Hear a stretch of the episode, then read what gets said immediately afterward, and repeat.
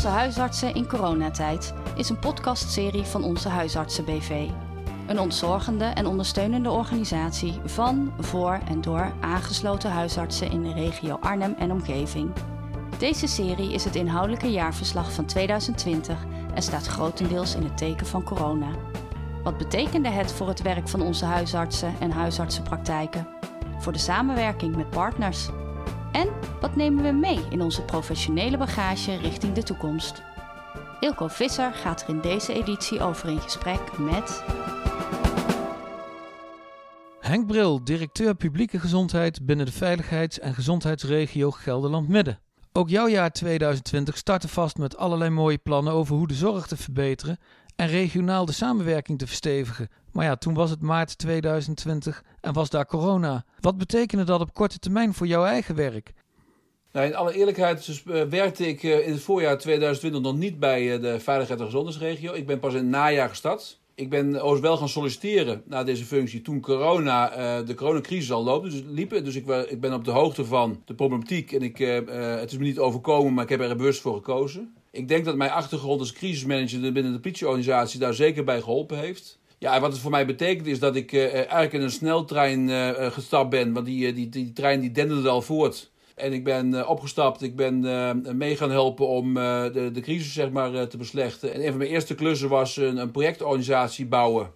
Eh, die eh, testen, traceren en vaccineren mogelijk maakt voor alle mensen in de, de regio Geldermidden. Ja, en kun je eens kort vertellen wat dat voor de samenwerking in de veiligheidsregio in dat verband heeft betekend? Ja, een van de taken die je als directeur publieke gezondheid hebt, is natuurlijk te zorgen voor uh, zorgcontinuïteit, zoals het zo mooi heet. Dat betekent dat ik met alle ketenpartners contact heb, hè, dus dat is bilateraal contact. Uh, maar zo contact in, in subregio's, hè, bijvoorbeeld de subregio Arnhem. Dus ik heb heel veel contact uh, met eerst Erik Schepping en nu dan met Willem Regoe. Om te zorgen dat ook huisartsen goed aangesloten zijn bij de afspraken die we in de keten maken. En ik moet zeggen, dat is een heel plezierig contact. Het is echt een contact die bol staat van constructieve samenwerking. En dat niet alleen maar in het begin zo, toen de problemen zich ontstonden, maar ook nu, nu we het over vaccineren hebben en om een werkzaamheden ook van de huisartsen over te nemen. Ook dan is het, loopt het weer heel soepel en, en, en constructief. Eh, en zien we dat we gewoon met veel respect voor elkaar eh, deze klus klaren. Ja, en kun je eens, uh, ons bij wijze van spreken eens meenemen naar een, een, week uit jouw werkpraktijk, zeg maar? Wat, wat komt er allemaal op jouw bordje terecht? Nou, het begint eigenlijk met het uh, niet alleen maar het organiseren, maar ook het gemotiveerd houden van mensen die al die, die klus moeten klaren. Hè. Dus wat ik al zei, uh, drie hoofdklussen in de coronatijd. Testen, dat is eigenlijk geen GGD-werk. Dat, dat hebben wij erbij gekregen. Eh, in het voorjaar. Maar het is eigenlijk geen GGD-werk. Maar we doen het wel hè, op, in verschillende teststraten, zoals je ongetwijfeld zult weten. De tweede punt is dat, uh, het uh, bron- en contactonderzoek, hè, dus het, het traceren. Nou, er komt zoveel werk op die mensen af. Dus je, je, moet ze niet alleen maar binnenhalen, ook nieuwe mensen. Maar ook zorgen dat ze het leuk blijven vinden, het werk. Hè, dus gemotiveerd houden. En derde punt natuurlijk te vaccineren. Ja, en wat, wat, wat in mijn werkweek dan aan de orde is, te zorgen dat ik veel op de werkvloer ben. Hè, dus zeker als er veel werk verricht moet worden, ook zorgen dat je daar goed van op de hoogte bent.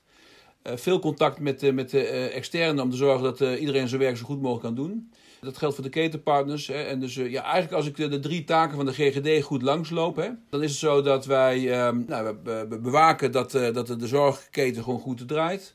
We beschermen de mensen in onze, onze regio met, uh, met met name vaccineren en het treffen van goede maatregelen. En we bevorderen vanzelfsprekend ook de gezondheid door in ieder geval goede voorlichting te geven. En uh, ik moet bijzeggen trouwens, als directeur publieke gezondheid heb ik niet alleen de GGD onder mijn hoede. Maar ook de ambulance dienst, hè, dus het vervoer van, van COVID-patiënten. En, en ook uh, de, de crisisorganisatie, hè, dus de GHOR. En dan sla ik voor het gemak nu even de Stichting Veilig Thuis uh, over. Dus dat betekent dat ik in, in de volle breedte van de witte kolom natuurlijk een directe verantwoordelijkheid heb. Maar vooral te zorgen dat je samenwerking goed blijft lopen. Hè. Want we, we weten allemaal dat als de, de golf het maximaal is dat je dan te maken kunt krijgen met een, met zwart scenario, hè, dus van, van alles vol. Nou, om dat zwarte scenario nou te voorkomen, zijn we, laten we zeggen, goed met elkaar in gesprek om uh, nou, de hele keten soepel en gesmeerd te laten verlopen. Ja, en, en tot slot misschien, zo'n crisistijd brengt een boel narigheid met zich mee en persoonlijk leed ook. En nou ja, toch ook wel veel leed op de werkvloer, zeker in de zorg. Als je voorbij dat leed kijkt, zijn er nou dingen echt positief veranderd in de samenwerking? Dingen die we ook richting de toekomst mee kunnen nemen? Ja, kijk, ik denk dat we, uh, we zijn ons nu natuurlijk al een beetje aan het voorbereiden op het post-corona-tijdperk. Dus uh, ik denk trouwens dat we van corona niet helemaal afkomen. Ik dat het corona zal net zoals griep in onze samenleving blijven staan. Maar omdat mensen gevaccineerd zijn, is het, nou, worden mensen niet zo meer zo ziek. En is het in ieder geval een beheersbaar probleem geworden. Dat is één. Twee is denk ik dat dingen als afstand houden, maar ook hygiëne en bij klachten thuisblijven. Ik denk dat dat iets is wat ik vermoed dat in onze samenleving zal blijven bestaan. Ik weet het natuurlijk niet helemaal zeker. Het kan ook zomaar zijn dat als we allemaal gevaccineerd zijn, dat we heel gewend heel snel weer terugvallen in oud gedrag. Maar ik denk toch dat er een paar dingen zijn die de crisis met zich meegebracht hebben, die we vol gaan houden. En dat is bijvoorbeeld ook wel, wel wat, minder reizen, wat meer digitaal werken. Verwacht ik dat het ook, ook een gewoonte blijft. En nou, wat zeker een goede gewoonte blijft, daar ben ik van overtuigd, is dat wij in deze crisisorganisatie heeft de totale gezondheidssector maximaal zeg maar, op, heeft op elkaar geleund. En ik denk dat we dat nooit meer loslaten. ik bedoel, deze verworvenheid zullen we echt vasthouden. Dus de samenwerking die we hebben, is, en dat hebben we ook al hard op tegen elkaar uitgesproken. De samenwerking die we hebben, zullen we echt ook vasthouden in de periode na corona.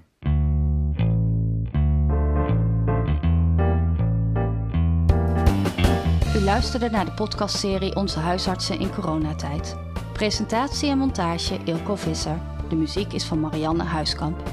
Mocht u meer informatie willen over onze huisartsen of meer afleveringen in deze serie willen beluisteren, ga dan naar www.onzehuisartsen.nl. Wilt u feedback delen? Graag. Stuurt u dan een mail naar info@onzehuisartsen.nl onder vermelding van podcast. Bedankt voor het luisteren.